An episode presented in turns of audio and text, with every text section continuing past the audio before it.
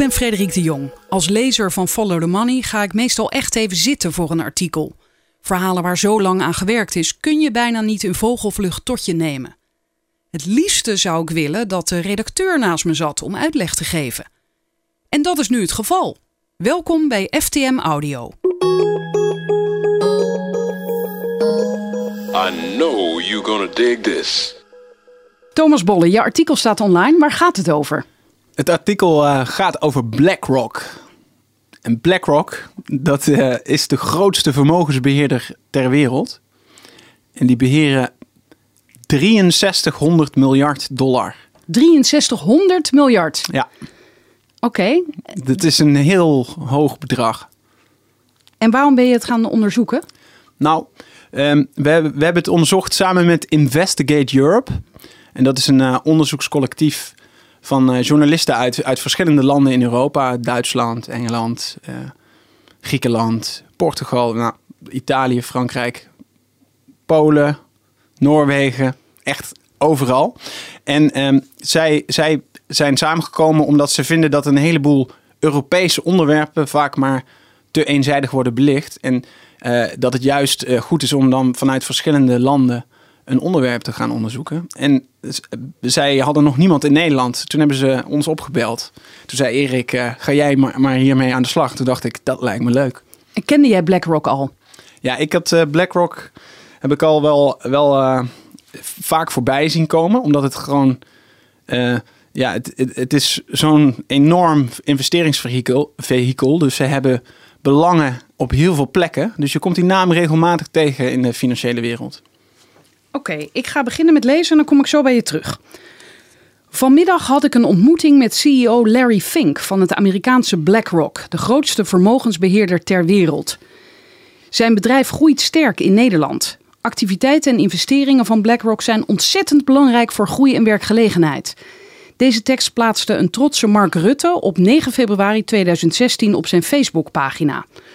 Op de foto schudt hij met een grote grijns op zijn gezicht de hand van Lawrence Douglas Larry Fink. Fink mag dan geen regeringsleider zijn, toch is het de normaalste zaak ter wereld dat hij door presidenten en premiers op die manier wordt behandeld. Fink geldt immers als een van de machtigste mensen op aarde. De meeste Nederlanders hebben wel eens gehoord van de Amerikaanse meesterbelegger Warren Buffett, maar er zijn er maar weinig die de naam Larry Fink iets zegt. Toch beheert Fink's BlackRock negen keer zoveel geld als het Berkshire Hathaway van Buffett. Waar Buffett's fonds 700 miljard dollar in beheer heeft, investeert BlackRock een ongelofelijke 6300 miljard dollar voor zijn klanten. Maar liefst acht keer het Nederlandse BBP en bijna vijf keer het totale Nederlandse pensioenvermogen. En dat is al best wel groot, ons pensioenvermogen. Ja, ja. En jij schrijft hier dan eh, best knap voor een bedrijf dat pas 30 jaar bestaat. Larry Fink begon BlackRock in 1988 met acht mensen. Inmiddels heeft de Amerikaanse vermogensbeheerder meer dan 13.000 werknemers, verdeeld over 30 landen. BlackRock mag de grootste institutionele beleggers, waaronder ook de Nederlandse pensioenfondsen, tot zijn klanten rekenen. Deze klanten geven hun geld in beheer bij BlackRock en hopen op een mooi rendement. De vermogensbeheerder koopt met dit geld vervolgens bedrijfsaandelen en obligaties. Maar omdat BlackRock zo'n enorme pot geld onder zijn hoede heeft, is het bedrijf zelf uitgegroeid tot grote aandeelhouder in zo'n beetje alle toonaangevende bedrijven van onze tijd. Is dat, dat klinkt bijna alsof ze. Dat is toch geen toeval? Ik bedoel, is dat hun strategie ook? Of Ja, hun, hun businessmodel is heel veel geld naar zich toe trekken en dat eh, beleggen voor hun klanten. Dus zij vergaren de inleg van heel veel, ehm, vooral institutionele beleggers, zoals pensioenfondsen.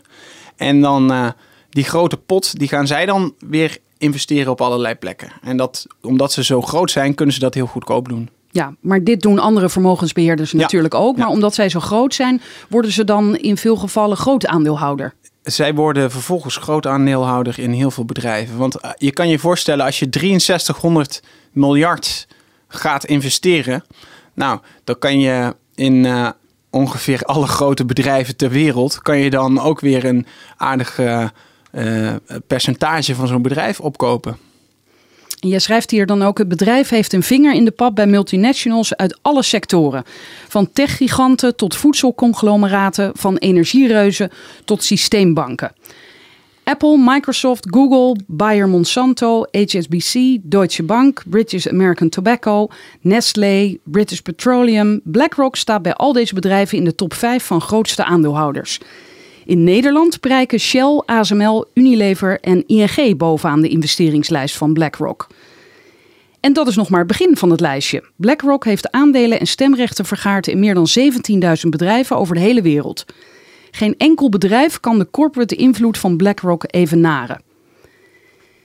Nergens is de invloed van BlackRock zo zichtbaar als in het thuisland, de Verenigde Staten. Daar is BlackRock samen met Vanguard en State Street, twee andere grote vermogensbeheerders, de grootste aandeelhouder in 88% van de SP 500 bedrijven. Dus dat zijn beursgenoteerde bedrijven. Ja, grote, grote Amerikaanse beursgenoteerde bedrijven. Deze grote drie kunnen vanwege hun dominante posities al gezien worden als de nieuwe de facto raad van toezicht voor 40% van alle beursgenoteerde bedrijven in de VS. Dat concluderen politiek wetenschappers aan de UVA, Jan Fichtner en Ilke Heemskerk in hun onderzoek naar de macht van vermogensbeheerders uit 2016. In een vraaggesprek met Follow the Money en Investigate Europe vertelt Ilke Heemskerk de groei van de grote drie leidt tot een extreme concentratie van macht in de handen van enkele spelers. Hij noemt BlackRock, Vanguard en State Street de slapende reuzen. Tot nu toe hebben ze nog niet zoveel gebruik gemaakt van hun macht, maar het zal slechts een kwestie van tijd zijn voor ze die macht wel in zullen zetten. En aan welke richting denkt hij dan? Nou, dat, dat was een van de eerste gesprekken die wij voerden. Dus samen met Harold Schumann, de Duitse uh, ja, trekker van uh, Investigate Europe. Uh, die was naar Amsterdam gekomen en toen zijn we bij Corpnet, want zo heet hun onderzoeksgroep, uh, zijn we langs geweest. En um, zij doen echt, echt uh, gericht onderzoek naar de invloed van, van grote bedrijven. Um, ze doen ook bijvoorbeeld um, een groot onderzoek naar belastingontduiking en belastingparadijzen. Maar een van de onderzoeken die ze dus twee jaar geleden hebben gedaan, was naar dit soort hele grote investeerders. En welke macht zij dan hebben. En hebben ze ook gekeken naar hoe die bedrijven dan stemmen in de aandeelhoudersvergaderingen uh, van, van de bedrijven waarin ze dan een aandeel hebben. Ja. En, en dat blijkt uit, uit hun onderzoek dat uh, eigenlijk BlackRock en Vanguard bijna altijd gewoon met het management meestemmen. Dus ze gaan bijna nooit in tegen uh, ja, wat het management van, van zo'n groot bedrijf voorstelt. Maar ik herinner me nu, geloof ik, dat Larry Fink nog niet zo lang geleden wel heeft gezegd dat hij hoopt dat bedrijven waarin zij investeren duurzamer worden. Ja, klopt. Dat, dat komt ook later in okay. het uh, artikel nog aan bod. Oké. Okay. Niet alleen wat betreft beheerd vermogen steekt BlackRock met kop en schouders uit boven Vanguard en State Street. De macht van BlackRock beperkt zich namelijk niet tot vermogensbeheer. Sinds de financiële crisis van 2008 vindt de financiële kennis en expertise van BlackRock gretig aftrek bij de Amerikaanse autoriteiten. Zo analyseerde BlackRock in opdracht van de Amerikaanse centrale bank, de Federal Reserve, de risicovolle portfolio's van in nood verkerende banken Bear Stearns en Citigroup, van verzekeraar AIG en van de opkopers van rommelhypotheken Freddie Mac en Fannie Mae. Deze analyses vormden de basis voor de reddingsacties van de Amerikaanse overheid. BlackRock ontpopte zich zodoende in feite als de operationele crisismanagementafdeling van de regering. Ook nu nog is BlackRock een veelgehoorde adviseur in het Witte Huis. Ondanks zijn nauwe banden met Hillary Clinton treedt Larry Fink op als economisch adviseur van Donald Trump. De invloed van BlackRock, Vanguard en State Street in Europa bleef buiten de rijkwijde van het onderzoek van de UvA-wetenschappers. Dat had een praktische reden. Er was een gebrek aan relevante data. Ook Follow the Money en Investigate Europe stuiten op dit probleem. Het bleek niet zo eenvoudig om vast te stellen hoe groot de positie van vermogensbeheerders in Europa nu echt is. In verschillende databases vonden we ver uiteenlopende cijfers van de aandelenbelangen van BlackRock in Europese bedrijven. He, dus mensen schrijven maar wat op of hoe, hoe werkt dit? Nou, het, het, bedrijf BlackRock is zo groot dat het weer uit allerlei dochterondernemingen bestaat. En um, nou, die investeren vervolgens weer in dezelfde AX-bedrijven. Dus er zijn allerlei dochters van BlackRock die een aandeel Shell hebben. En als je dat uh, aandeel dan weer bij elkaar optelt, dan weet je pas hoe groot, dat hoe groot uh, het aandeel van BlackRock daadwerkelijk is. Dus het is wel te achterhalen, maar je moet even rekenen. Nou, het is, het is dus te achterhalen, maar het is heel erg lastig. Omdat ehm, eigenlijk geen van die databases had een, eh, een, een cijfer waar, waarin dat mooi werd opgeteld. Dus dat was echt eh, sprokkelen. En het was uiteindelijk, eh, spraken ook al die cijfers uit databases elkaar weer tegen. Dus het was erg, een Oh. erg lastig proces. Het proces werd bemoeilijkt door de vele dochterondernemingen, ja, die noem je hier, die onder moederbedrijf BlackRock hangen. BlackRock heeft deze dochterbedrijven in tientallen landen. Dat is mede een gevolg van de groeistrategie van het bedrijf. In 2006 fuseerde BlackRock bijvoorbeeld met Merrill Lynch Investment Managers en in 2009 nam het de Barclays Investment Group over. Alle dochterondernemingen van BlackRock hebben weer belangen in dezelfde Europese multinationals. Een compleet beeld wordt daarom pas zichtbaar na uitgebreid dataspeurwerk en consolidatie van cijfers. Onnauwkeurigheden vallen echter niet uit te sluiten. FTM en IE vonden allerlei afwijkingen tussen de cijfers uit de Thomson One database en de gemelde belangen bij financieel toezichthouders, zoals de Duitse BaFin en de Nederlandse Autoriteit Financiële Markten, de AFM. Wat blijkt, de AFM-cijfers komen rechtstreeks van BlackRock en worden niet gecontroleerd. Oh, hè? Niet gecontroleerd? Hoezo niet? Nee, nee ze, ze, ze worden in principe eh, gecontroleerd. Want eh, Wel.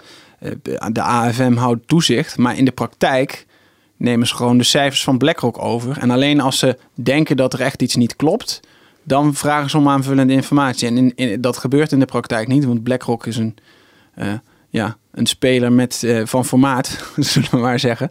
En die heeft dus een goede reputatie. Dus de, de AFM neemt eigenlijk gewoon aan dat, dat BlackRock het goed rapporteert. Maar is, is dit echt zo? Want de, de AFM is er toch juist om reputaties te onderzoeken? Ja, ze, ze, ze hebben aangegeven dat ze alleen gaan onderzoeken als ze denken dat er echt iets niet klopt. Bijvoorbeeld als er een nulletje te veel staat, dan staat in één keer 30% aandeel, terwijl dat het daarvoor nul was. Dan denken ze, nou, dat zal waarschijnlijk een 3% aandeel moeten zijn. En ja, het is wel opvallend, want dat gebeurde dus overal in Europa. Eh, terwijl BlackRock twee jaar geleden, of drie jaar geleden, 2015, hebben ze een, een recordboete van de Duitse toezichthouder gehad. En precies om het vergrijp dat ze de verkeerde aandelenbelangen hadden doorgegeven. Dus Maar je hebt de AFM hier over gesproken. En Ja, hebben hardop gezegd, inderdaad, wij, wij halen die cijfers. We ontvangen ze, we krijgen ze, maar we kijken er niet echt naar. ja, Oké. Die cijfers wijken ook significant af van de gemelde belangen bij de SEC, de Amerikaanse toezichthouder. ja, en dat is ook niet opgehelderd. Dus dat, dat, daar, dat is voor mij nog steeds een groot vraagteken hoe het kan dat BlackRock bij de Amerikaanse toezichthouder een ander belang meldt eh, dan in Nederland. Ik weet wel inmiddels van, van Thomson, dat is die andere databasehouder, dat zij eh, de SEC het meest vertrouwen. Want Oh. in Amerika is het het meest transparant. Dus zij zeggen, als de SEC cijfers heeft, dan moet je daarvan uitgaan. En eh, daarna gaan we pas kijken eh, in, bij de Nederlandse autoriteit of andere Europese autoriteiten. En die, dat kaartje wat ik hier zie, hebben jullie dat dan gebaseerd op de cijfers van de SEC? En dat, dat is dus gebaseerd op die, op die eh, cijfers van Thomson. Omdat de SEC, daar kan je geen Europees kaartje van eh, maken. Want de Amerikaanse toezichthouder, die ziet alleen toe op de eh, bedrijven die in Amerika genoteerd zijn. En en dat gebeurt dus soms. Bijvoorbeeld ASML is zowel in Nederland als in Amerika genoteerd. Die staat op de AEX en op de Nasdaq. Dus dan heb je die cijfers om te vergelijken. Maar bij de meeste bedrijven heb je dat niet. Dus wat, eh, wat we gedaan hebben is alles van Thomson One. En dan hebben we cijfers bij elkaar opgeteld om een overzicht te krijgen. En eh, ja, dit geeft een, een, een inschatting, maar dit is niet dit je is ziet niet hier foutloos. namelijk eh, de landen in Europa Ja, eh, met verschillende kleuren om aan te geven hoeveel aandelen ze in welk land hebben eigenlijk. Ja, ja, en het is gewoon, het is verbijsterend eh, groot. Als je ziet hoe, hoe alle grote bedrijven in Nederland, daar zit BlackRock wel in de top drie. En dat moet je ook nagaan, dat zijn dan bedrijven van 100 miljard. Maar ja, als jij 6300 miljard te besteden hebt, als je dan eh 5 miljard in zo'n bedrijf hebt, heb je al 5 procent. Ja. De beschikbaarheid van data mag dan wat minder zijn. Toch is ook in Europa de macht van de grote vermogensbeheerders indrukwekkend en groeiende. Ook Europese politici zijn zich bewust van deze macht en proberen een wit voetje te halen bij het grote geld. Zo schrijft Rutte op in zijn Facebookbericht over zijn meeting met Fink. Het kabinet doet er alles aan om Nederland als gunstig investeringsland te behouden. Ja, dat weten we inmiddels sinds eh, de hele dividendbelastingaffaire. Ja. Met succes schrijf jij hier. In verhouding tot het BBP is Nederland na Groot-Brittannië het belangrijkste investeringsland voor BlackRock. BlackRock heeft voor ongeveer 50 miljard dollar geïnvesteerd in 61 grote Nederlandse bedrijven. Maar Rutte is niet de enige Europees leider die probeert om de BlackRock-CEO met pro-business beleid te paaien. Emmanuel Macron is nog geen jaar president, maar nodigde Fink al twee keer uit voor een bezoek. De laatste keer, op 18 oktober, genoot Fink samen met 20 andere topbestuurders van 's werelds grootste investeringsfondsen van een uitgebreid Frans diner in het Elysée. Ook in Europa is BlackRock dé adviseur van regeringen en centrale banken. Het lijkt haast wel of de klassieke rollen zijn omgedraaid. In plaats van dat de Europese Centrale Bank, de ECB, toezicht houdt op Europa's grootste private investeerders in banken en financiële instellingen, krijgt deze investeerder inzicht in de huishoudboekjes van staten en grootbanken. De Europese Centrale Bank, maar ook de Nederlandse Bank, huurde BlackRock sinds 2008 meermaals in als crisisadviseur en auditor van het Europese bankwezen. In opdracht van de zogeheten Trojka, bestaande uit de ECB, de Europese Commissie en het Internationaal Monetair Fonds, voerde BlackRock samen met Boston Consulting Group en Barclays Capital in 2011 de zogenaamde stresstest van Ierse banken uit. BlackRock moest in opdracht van Europa de risico's binnen het Ierse bankwezen in kaart brengen en kreeg daarvoor inzicht in de leningenportefeuille van alle Ierse banken. Een gigantische missie noemde Fink het, de grootste die we ooit hebben gehad van een overheid. Inzicht in de volledige boekhouding van alle banken in een land is dan ook geen kleinigheid. Zulke informatie zou een goudmijn kunnen zijn voor een vermogensbeheerder die actief is in Ierland.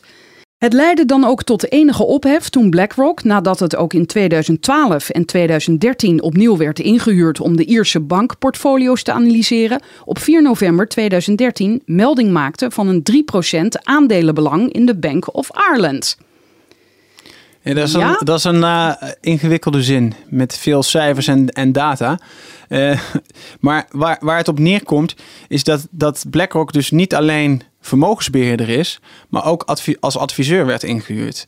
Omdat zij zulke financiële kennis hebben. En nou, dus juist op, op momenten van crisis en, en moeilijke vraagstukken worden zij dus door overheden en centrale banken binnengehaald. En dit Ierse voorbeeld, dat is een van de vele voorbeelden waar zij ehm, de, de portfolio's van probleembanken gingen analyseren. Terwijl zij ondertussen ook eh, geïnvesteerd hadden zelf in die banken. Maar daarna of daarvoor? Nou, daar, daarvoor al en daarna dus ook, want dan kochten ze ook weer bij. Dus dat 3%, die 3% melding, dat betekent dat ze daarvoor minder dan 3% hadden. En daarna meer dan 3%. En dat, in die tussentijd hebben ze meermaals eh, de boeken van die banken kunnen inzien. Dat is wel heel handig, hè? Dat is eh, heel handig als je dat eh, kan gebruiken. Nou, er, kom, eh, daar komt nu een stukje over dat BlackRock zegt dat niet te doen. Alleen, alleen al de verleiding is natuurlijk wel... ja, Aanwezig. die is in ieder geval aanwezig. BlackRock sluit zelf echter uit dat gevoelige informatie voor eigen gewin wordt gebruikt. Hiertoe heeft het bedrijf Chinese muren opgeworpen. Dat wil zeggen, een aparte afdeling van BlackRock, BlackRock Solutions genaamd, voert de analyses uit en geeft advies aan overheden en banken. BlackRock Solutions neemt echter geen investeringsbeslissingen. Dat doen de vermogensbeheerders in andere dochterondernemingen. Fink verwoordt het in 2016 tegen het Duitse Handelsblad als volgt. Onze teams zijn duidelijk gescheiden. Er zijn hoge barrières om te voorkomen dat informatie zich verspreidt en er is daarom geen sprake van belangenverstrengeling. Wat er binnen BlackRock Solutions gebeurt, blijft volgens Fink dus binnen de Chinese muren van de adviestak. Kennelijk heeft Fink zelf ook een manier gevonden om zijn hersenkwabben zodanig van elkaar te scheiden dat hij per afspraak over andere informatie beschikt. Ja, hij, weet, hij is misschien wel een van de weinigen die echt alles weet. Ja, hij staat erboven. En, en dat is natuurlijk opmerkelijk. Je hebt eh, BlackRock Solutions, wat dan die adviestak is. En zij zeggen, nou, dat maakt niet uit dat we daar allerlei gevoelige informatie van overheden, van banken in kunnen zien. Want onze vermogenstak, die eh, doet daar helemaal niks mee met die informatie. Maar Larry, die is gewoon de CEO van, van al die takken. In gesprek met regeringsleiders en centraalbankiers is hij de CEO van adviestak BlackRock Solutions. Maar in de algemene aandeelhoudersvergadering beantwoordt hij vragen als CEO van BlackRock Inc., de vermogensbeheerder. Ja, inderdaad. BlackRock Solutions is dus niet zomaar een consultant. Het was kind aan huis bij de Federal Reserve en de Amerikaanse regering na de kredietcrisis. Analyseerde noodlijdende staten en banken in Griekenland, Ierland en Nederland. En stond als adviseur aan de wieg van de miljarden opkoopprogramma's van de ECB. Waarom werd BlackRock betrokken bij zo ongeveer elke voorname financiële uitdaging van het afgelopen decennium? Dat heeft alles te maken met wat ook wel het magische ingrediënt van het BlackRock-succes wordt genoemd: Aladdin, het zogeheten Enterprise Investment System van BlackRock Solutions. Aladdin is een financiële database en risicoanalyse software. En niet zomaar één. Aladdin volgt meer dan 30.000 investeringsportefeuilles in real time. Niet alleen BlackRock zelf gebruikt deze database. Het is ook de geest in de lamp voor de honderden klanten van BlackRock Solutions. Banken, verzekeraars, pensioenfondsen, financiële overheidsafdelingen en concurrerende vermogensbeheerders. In totaal goed voor meer dan 20.000 miljard dollar aan beheerd vermogen, consulteren Aladdin voor hun investeringsbeslissingen. Per dag voert de software wereldwijd 250.000 handelstransacties en miljarden financiële berekeningen uit. Een Brusselse bankier die veel gebruik maakt van Aladdin legt aan Investcade Europe uit wat de risicotool allemaal kan. Met een paar klikken vertelt Aladdin hoe je jouw beleggingsportfolio beter kunt balanceren. Het maakt dagelijkse stresstesten en vertelt of je te veel obligaties of aandelen in een bepaalde sector aanhoudt. Investeringsbeslissingen nemen zonder Aladdin begint te lijken op het internet navigeren zonder Google. Aladdin is al zuurstof. We zouden niet kunnen functioneren zonder, al dus Anthony Malloy, CEO van New York Life Investors, met een vermogen van zo'n 238 miljard dollar tegen Forbes. Volgens PricewaterhouseCoopers, PwC, gebruikt 26% van de vermogensbeheerders tegenwoordig kunstmatige intelligentie om zich te informeren voor de volgende grote beslissing. Dat percentage groeit in rap tempo en BlackRock bekleedt met Aladdin ook op dit vlak de nummer 1 positie. Maar als steeds meer investeerders vertrouwen op Aladdin, heeft deze software dan geen enorme impact op de markten. Volgens de Brusselse bankier maakt zelfs Aladdin immers wel eens verkeerde inschattingen. Het brede gebruik van Aladdin kan fouten snel wijds verspreiden. Veel, heel veel gebruikers zouden dan dezelfde verkeerde conclusies kunnen trekken. Een anonieme bestuurder uit de financiële technologische hoek zegt hierover tegen de Financial Times: Is er een systeemrisico met Aladdin? Ik weet het niet, maar het is overduidelijk dat significante fouten of een bug problemen kunnen veroorzaken voor markten. Dat is een vraag waar toezichthouders eens naar zouden moeten kijken. Ook hier wuift BlackRock de kritiek weg. Iedere Aladdin-klant heeft zijn eigen risicoafdeling die nauwkeurig naar het model kijkt en er haar eigen visie overheen legt. Al dus Aladdin-chef Jody Kotchansky tegen de krant. Komen zij hier de hele tijd mee weg? Dat ze zeggen: nee, maakt niet uit, alles wordt. Jullie hebben een eigen risicoanalyse, het zit allemaal goed, maak je geen zorgen. Ga maar lekker slapen. Ja, BlackRock is. Uh is er wel goed in om in ieder geval iedereen gerust te stellen dat zij het de, helemaal goed voor elkaar hebben. En dat, uh, dat we ons vooral geen uh, zorgen hoeven te maken om de centjes die ze beheren. En dus ook het, het pro programma Aladdin. Het is, het is een software, het is een, een database. Het is echt enorm groot. Het is 25 miljoen regels computercode. Dat is ongeveer net zoiets als, als Microsoft Windows, wat uh, heb ik me laten vertellen. dus het is echt heel complex. En, en je moet je voorstellen dat je dus 20.000 miljard vermogen continu analyseert. Want dat is wat die software doet. Dus niet alleen binnen BlackRock zelf, maar ook bij je concurrenten en bij allerlei andere bedrijven. En dat al die informatie, die, die wordt verzameld in Aladdin. En dat valt binnen BlackRock Solutions. En dat is dus die tak die vervolgens weer wordt ingehuurd door overheden om ze te adviseren. En die informatie, die zit dus binnen Solutions. Dus daar zitten geen Chinese muren. Dus dat kan uh, ook weer in dat systeem worden geladen. Dus je hebt echt een, een mega... Wij praten wel eens over Google, die verzamelt veel informatie. Nou, als het, als het over de financiële data van de wereld gaat... dan moet je blij BlackRock zijn. En ja, daarom worden ze ook zo, zo ingehuurd telkens. Ja, die, dat, dat, klinkt op zich logisch. En, en het feit dat het zo groot is en dat maar weinig mensen dit kunnen overzien, betekent niet per se dat er iets mis is. Nee, dat, dat niet. Er zijn alleen uh, wel ja, gewoon vraagtekens te plaatsen van wil je zoveel vertrouwen in één partij stoppen? En is dat nog wel een, eh, een wenselijke omvang? BlackRock is dus enorm groot op meerdere vlakken. Voorlopig belemmert die omvang de groei echter geen zins. Wat heet, BlackRock bouwt zijn koppositie alleen maar verder uit. Dankzij koersstijgingen en een recordinstroom van 367 miljard dollar ging het beheerd vermogen in 2017 verder omhoog. Ongeveer twee derde van die recordinstroom ging naar zogeheten index trackers, ook wel exchange traded funds genoemd, ETF's. Oh ja, dit heb ik net uh, even gelezen en hier volgt een vrij uh, ingewikkeld verhaal dat je echt even zelf zou moeten lezen als je dat wil weten. Dit zeg ik even tegen de luisteraar.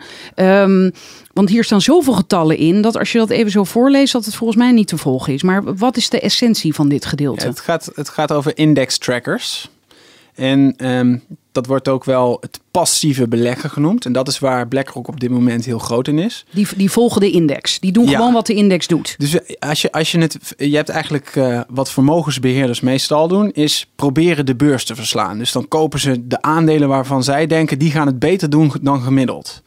En um, zo heb je dus allerlei actieve beleggers. En die zijn eigenlijk met elkaar in strijd van wie doet het beter dan de beurs. En die krijgen dan daar de credits voor en een dikke bonus. En dan heb je die ene gorilla en die gooit pijltjes en die blijkt het dan beter te doen dan die mensen, toch? Nou, en, en om die reden zegt BlackRock, wij uh, gaan niet dat actief beheer alleen maar doen. Wij gaan het grootste deel van ons portfolio beleggen in indexen.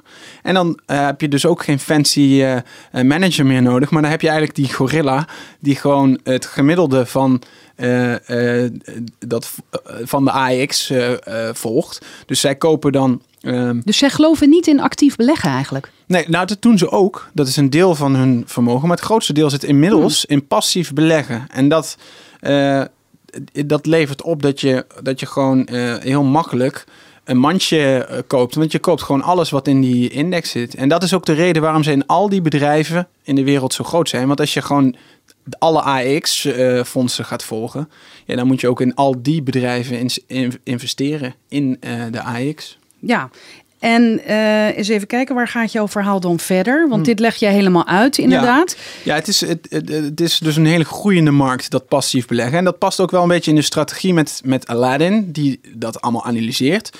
Dus dan volg je gewoon uh, de koers van al die aandelen. En op die manier uh, kunnen zij dat heel goedkoop aanbieden. Dus dan hoef je maar een lage transactiefee. Maar ja, met een volume van 6300 miljard in beheer... levert dat voor BlackRock nog steeds toch wel flink wat geld op. Want zij maakten vorig jaar 5 miljard dollar winst. En je zou kunnen zeggen dat ook mensen met een pensioen daarvan meegenieten? Of niet? Ja, want hier staat: pensioenfondsen uit de Verenigde Staten en Europa zijn de grootste klanten van BlackRock. Aangezien ook de Nederlandse pensioenfondsen via BlackRock beleggen, profiteren we dus uiteindelijk allemaal van BlackRock's succes. Ja. Vicepresident Barbara Novick beschrijft de activiteiten van BlackRock dan ook het liefst als de democratisering van kapitaal investeren. Al met één iShare ETF, dat is zo'n tracker, kun je investeren in een heel mandje van beursgenoteerde bedrijven zonder de hoge transactiekosten. Sommige actieve investeringsfondsen zien passive investment dan ook als een mogelijke bedreiging voor het kapitalisme. En in ieder geval voor hun eigen verdienmodel.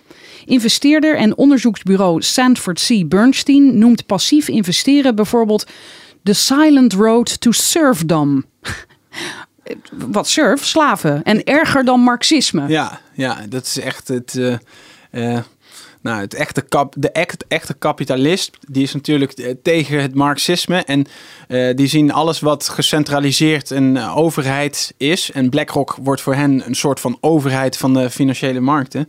Is dan de, de weg naar, naar serfdom, naar, naar slaven, slavendom, slavernij. Die associatie met marxisme komt voort uit het onderliggende model van passief investeren. Klanten van BlackRock kopen de iShares en de koers van deze waardepapieren beweegt mee met de overeenkomstige beursindex. Om zijn eigen risico's af te dekken, koopt BlackRock op zijn beurt de onderliggende aandelen van de beursgenoteerde bedrijven en de bijbehorende stemrechten. Die stemrechten vertegenwoordigen zeggenschap over de strategische koers van de onderliggende bedrijven. De klanten van BlackRock plukken dus de financiële vruchten, maar de economische macht concentreert zich bij de vermogensbeheerder. Ja. dat, kijk, hier, hier zit ehm, eh, dat dilemma van aan de ene kant eh, kun je zeggen dat passief eh, beleggen, dat is eigenlijk een hele goede innovatie. Want als we toch allemaal tegen elkaar voor ons pensioen een, een zero-sum game aan het voeren zijn, dus de ene actieve belegger tegen de andere en de een verliest, de ander wint. Als je dat nou afschaft, heb je al die dure handelaren, financiële eh, mannetjes niet meer nodig. Dan doet gewoon een computerprogramma die belegt voor ons allemaal dat vermogen. En dan eh, plukken we daar allemaal de vruchten van. Dus de, de, de uiteindelijke, ehm, de uiteindelijke eh, pensioenspaarder. Want het zijn dus vaak pensioenfondsen die het geld aan BlackRock geven. En BlackRock die het vervolgens weer investeert. Maar aan de andere kant, omdat BlackRock dus dat doet voor pensioenfondsen van over de hele wereld. En ook nog voor individuen en voor eh, bepaalde vermogenden. Krijg je zo'n concentratie op één plek. En al die stemrechten, want zij kopen dan wel zelf de onderliggende aandelen. Die komen allemaal bij BlackRock. En daar zit ja, de raad van bestuur met Larry Fink aan het hoofd. En die mogen dus stemmen in alle grote bedrijven ter wereld. En dat geeft, ja, dat geeft heel veel macht. Dus vandaar ook dat, die kritiek van er is hier, dit is communisme, dit is eh, BlackRock is eh, de Sovjet-Unie aan het worden. BlackRock is zich bewust van die macht. Larry Fink stuurt jaarlijks een nieuwjaarsbrief naar de CEO's van de duizenden bedrijven in het BlackRock portfolio. Dit jaar schreef hij: De samenleving vraagt dat bedrijven, zowel publiek als privaat, sociale doelen dienen. Voor lange termijn welvaart moet ieder bedrijf niet alleen financieel presteren, maar ook laten zien hoe het een positieve bijdrage levert aan de samenleving. Ja, dat las ik toen en toen dacht dat, dat eh, kwam op mij heel positief over. Ja, Ja op, mij- toch? op mij ook. Dat Ja, kwam, kwam- oké. Die brief, eh, dat was echt, nou, ik stond daar wel versteld van. Ik had ik niet verwacht eh, bij, een, bij een CEO van eh, ja, BlackRock, die zelf, geloof ik, eh, 26 miljoen per jaar binnen hard. Fink benadrukt dat bedrijven te veel gefocust waren op kwartaalresultaten en kondigt aan dat BlackRock zich actief zal gaan bemoeien met de bedrijfsstrategie. Hij zegt dan: jullie moeten de maatschappelijke impact van jullie bedrijfsvoering begrijpen, maar ook hoe structurele trends jullie groeipotentieel beïnvloeden. Van langzame loonstijgingen tot automatisering tot klimaatverandering. Het zijn woorden die een maatschappelijke activist of sociale wetenschapper zou kunnen schrijven. Niet direct wat je zou verwachten van de CEO van de grootste vermogensbeheerder ter wereld. Gaat BlackRock zich inzetten voor een betere wereld en het uitbannen van korte termijn plunderkapitalisme? Dat zal de toekomst uit moeten wijzen. Zo zal in de aankomende aandeelhoudersvergadering van Shell bijvoorbeeld duidelijk worden of BlackRock bereid is tegen het management van een bedrijf in te gaan om maatschappelijke doelen te realiseren. BlackRock is de grootste aandeelhouder van het oliebedrijf. Eén stem voor de klimaatresolutie van Follow This, daar staat hier een linkje bij, zou een krachtig signaal afgeven naar andere bedrijven dat BlackRock voortaan harde klimaatdoelstellingen verwacht. Ja. Even op dat linkje, Follow This. Ja, dat, dat, gaat dat is die groep eh, ja, aandeelhouders die eh, verduurzaming wil van Shell. Hè? Ja, dat is de activistische aandeelhouder van, Ja. van Shell. Dus daar kan je eh, lid van worden. En ze hebben een, zij doen al drie jaar lang een, een voorstel om ehm, Shell harde klimaatdoelen eh, op te leggen. Zodat dat niet alleen wordt gezegd, maar dat het ook in de bedrijfsstrategie wordt verankerd. En dat dat eh, vast wordt gelegd in targets. En dat sluit eigenlijk heel erg aan bij wat BlackRock, eh, of wat Larry, Larry Fink namens BlackRock aan al die CEO's heeft gestuurd. En ja, ik, ik ben al, als ik, als ik dan zie, hè, die, die man, CEO, z- 26 miljoen per jaar salaris, en die stuurt dan zo'n brief. Dan denk ik altijd, oké, dat klinkt heel mooi, maar is dat nou een, een PR-praatje van hem of, of meent hij het? Nou, Maar heeft hij zo'n PR-praatje nodig dan? nou, het, is- hij is, het is wel een eh, verkoper, zegt hij zelf ook. Eh, eh, hij, is, hij is wel bezig met BlackRock verkopen als een heel mooi, mooi bedrijf. Dus ja, ik, ik ben, ben heel benieuwd. En daarom is dat Shell-voorbeeld eh zo'n goeie. Eh, BlackRock is daar de grootste eh, eh, belegger. Zij zijn de En nummer- wanneer is die Die aandeelhoudersvergadering? is volgende maand. Oké, Of nee, deze maand al. Oh. 22 22 mei. Dus dan gaan we zien. Of gaan ze nou tegen het management van Shell voor die resolutie stemmen? Of gaan ze toch gewoon met het Shell management mee? wat ze tot nu toe hebben gedaan. Wat ze tot nu toe hebben gedaan. Ja. Fink bekommert zich overigens niet alleen over de uitkomsten van bedrijfsbeleid, maar laat zich ook stevig uit op politiek vlak. Europa noemde hij vorig jaar in een interview met de Australian Financial Review de grootste verrassing in de wereld. Een jaar geleden twijfelden mensen aan de toekomst van de eurozone. We waren erg bang voor de uitkomsten van de verkiezingen in Frankrijk en Nederland.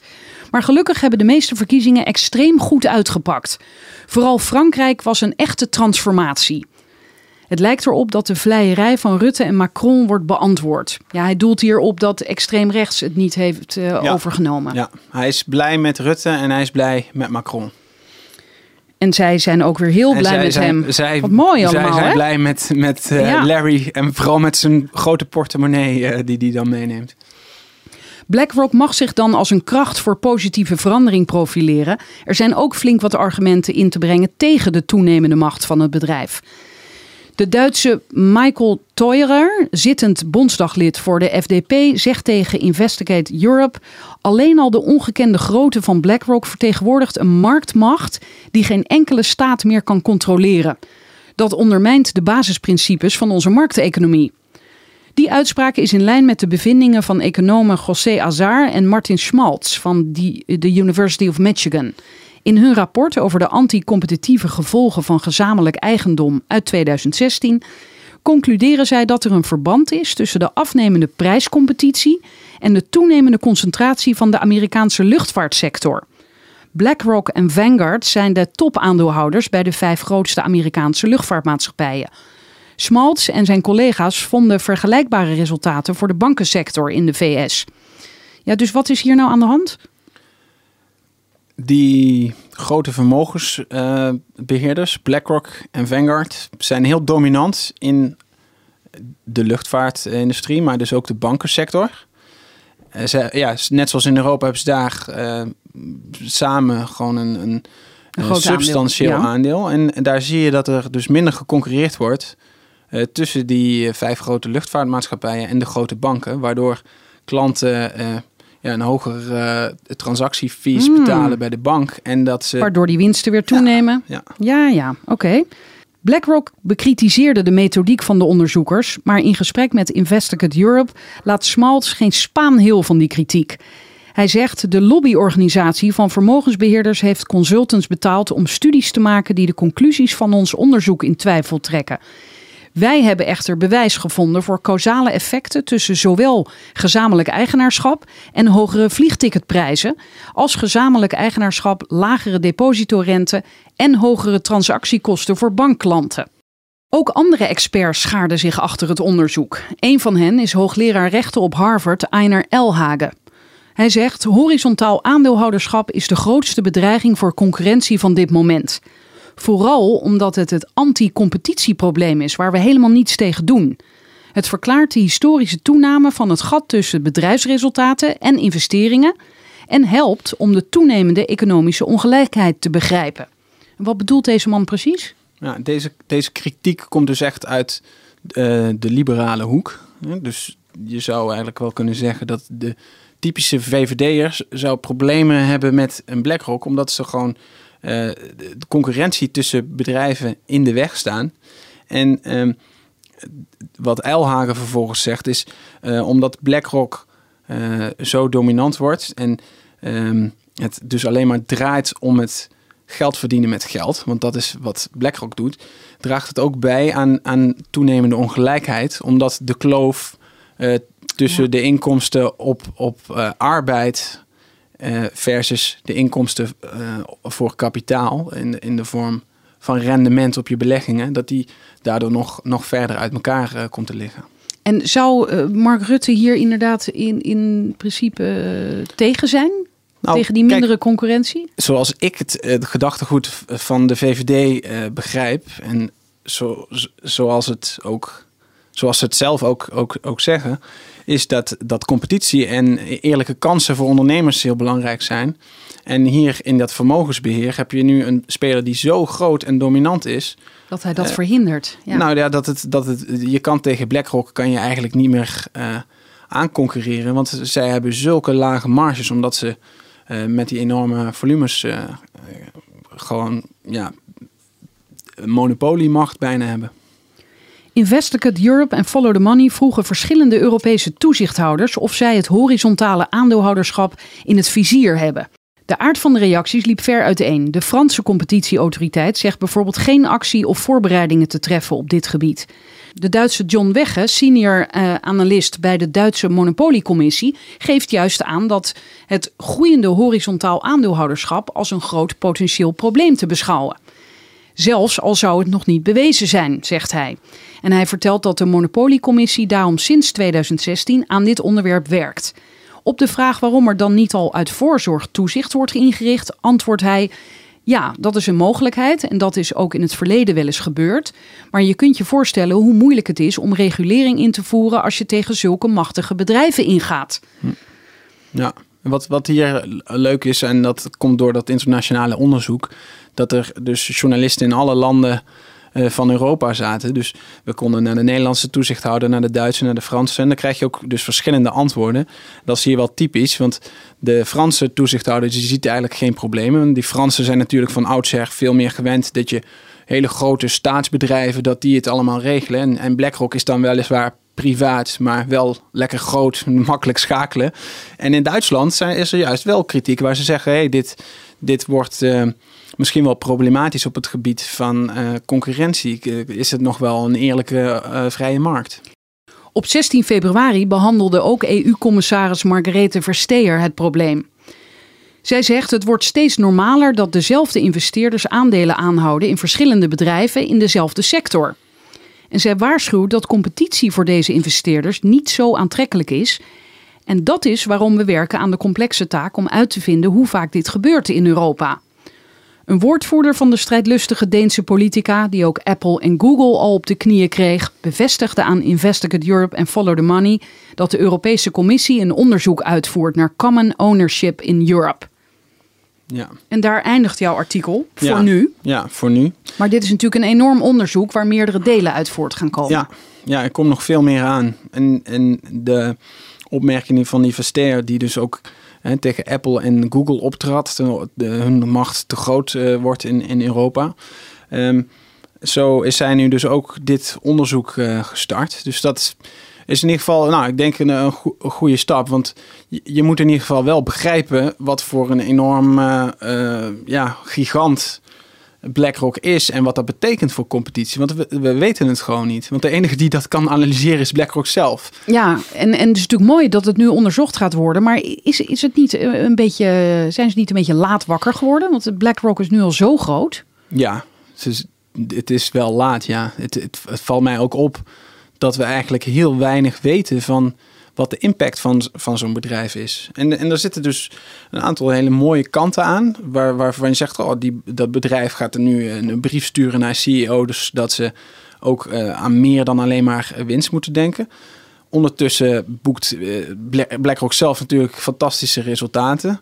Uh, met, met ons pensioengeld. Want het is uiteindelijk het pensioengeld dat na die ene partij gaat. En zij zijn dus blijkbaar in staat om dat als enige zo efficiënt uh, te beleggen en dan zelf daar wel wat uit te halen. Dus ik, ik uh, vraag me vooral af, als die ene partij dat voor bijna de hele wereld kan doen, nou, dan, uh, dan hebben we dus nog heel veel te winnen. Dan kan je heel veel financiële, heel veel werk in de financiële sector besparen. Alleen is dan de vraag, ja, moet je het dan bij zo'n private partij als BlackRock, kunnen we daarop vertrouwen dat zij echt het beste met iedereen voor hebben? Nou ja, als het straks inderdaad blijkt dat uh, in hem een wereldverbeteraar schuilt, dan uh, kunnen we daar misschien blij mee zijn als hij uh, aanstuurt op verduurzaming, om maar een voorbeeld te noemen. Ja, maar wil je, wil je dat aan één man overlaten? Op het gebied van risicomanagement is dat niet het, het meest Het klinkt wat apart, ja. Maar ja, um, ik weet het niet. Zeg jij het maar. Nou, ik, ik, ik ben nu inmiddels alweer een, een stapje verder natuurlijk met het onderzoek. Dus ik, ik heb me ook verdiept in de man zelf. En dat is het volgende deel wat eraan oh, komt. Vertel. Dus ik heb, ik heb, ik heb uh, uh, Larry niet gesproken. Want BlackRock wilde absoluut niet meewerken aan het uh, onderzoek. Dus qua transparantie is het bedrijf echt nul. Ze willen gewoon helemaal geen enkele vraag eh, beantwoorden. En aan wie heb je gevraagd of ze wilden praten? Nou, dat hebben we ehm, aan BlackRock Inc. gevraagd, omdat we dus met eh, journalisten uit verschillende landen hieraan werkten. Hebben we ze niet overal eh, bestookt. Dus we centraal dat ingediend. Nou, daar wilden ze niet aan meewerken. Ben ik ook nog naar BlackRock Netherlands gegaan om, om En daar specifiek- werkt onder andere Jan Homme, toch? Die ooit bij ING zat. Ja, die zit nu daar aan, het, aan het hoofd. Kan het niet via Jan? Eh, in- ik heb een eh, interview met Jan aangevraagd. En ik ben benieuwd of Oh. dat eh, wel ingewilligd wordt. Maar tot nu toe, ook, ook BlackRock Netherlands wenste niet met ons te spreken. Je volgende artikel gaat dus over Larry. Ja, Kan je al een tipje van de sluier oplichten? ja. Nou, ik heb Larry dus e- even in zijn verleden ben ik gedoken. Want ik heb hier al een beetje BlackRock beschreven. En daar gaan we ook nog veel dieper op in in die andere artikelen. Maar wat ik eh, fascinerend eh, vind aan, aan Larry... dat hij ook voor zijn BlackRock-tijd... heeft hij echt hele spannende dingen gedaan. En hij stond aan de wieg van een product... wat uiteindelijk leidde tot de kredietcrisis van 2008. Dat lijkt me een hele mooie cliffhanger. Dankjewel, Thomas. Tot zover FTM Audio. Ga voor meer geschreven verhalen naar ftm.nl. Ik meld me snel weer met een audioartikel. Dag!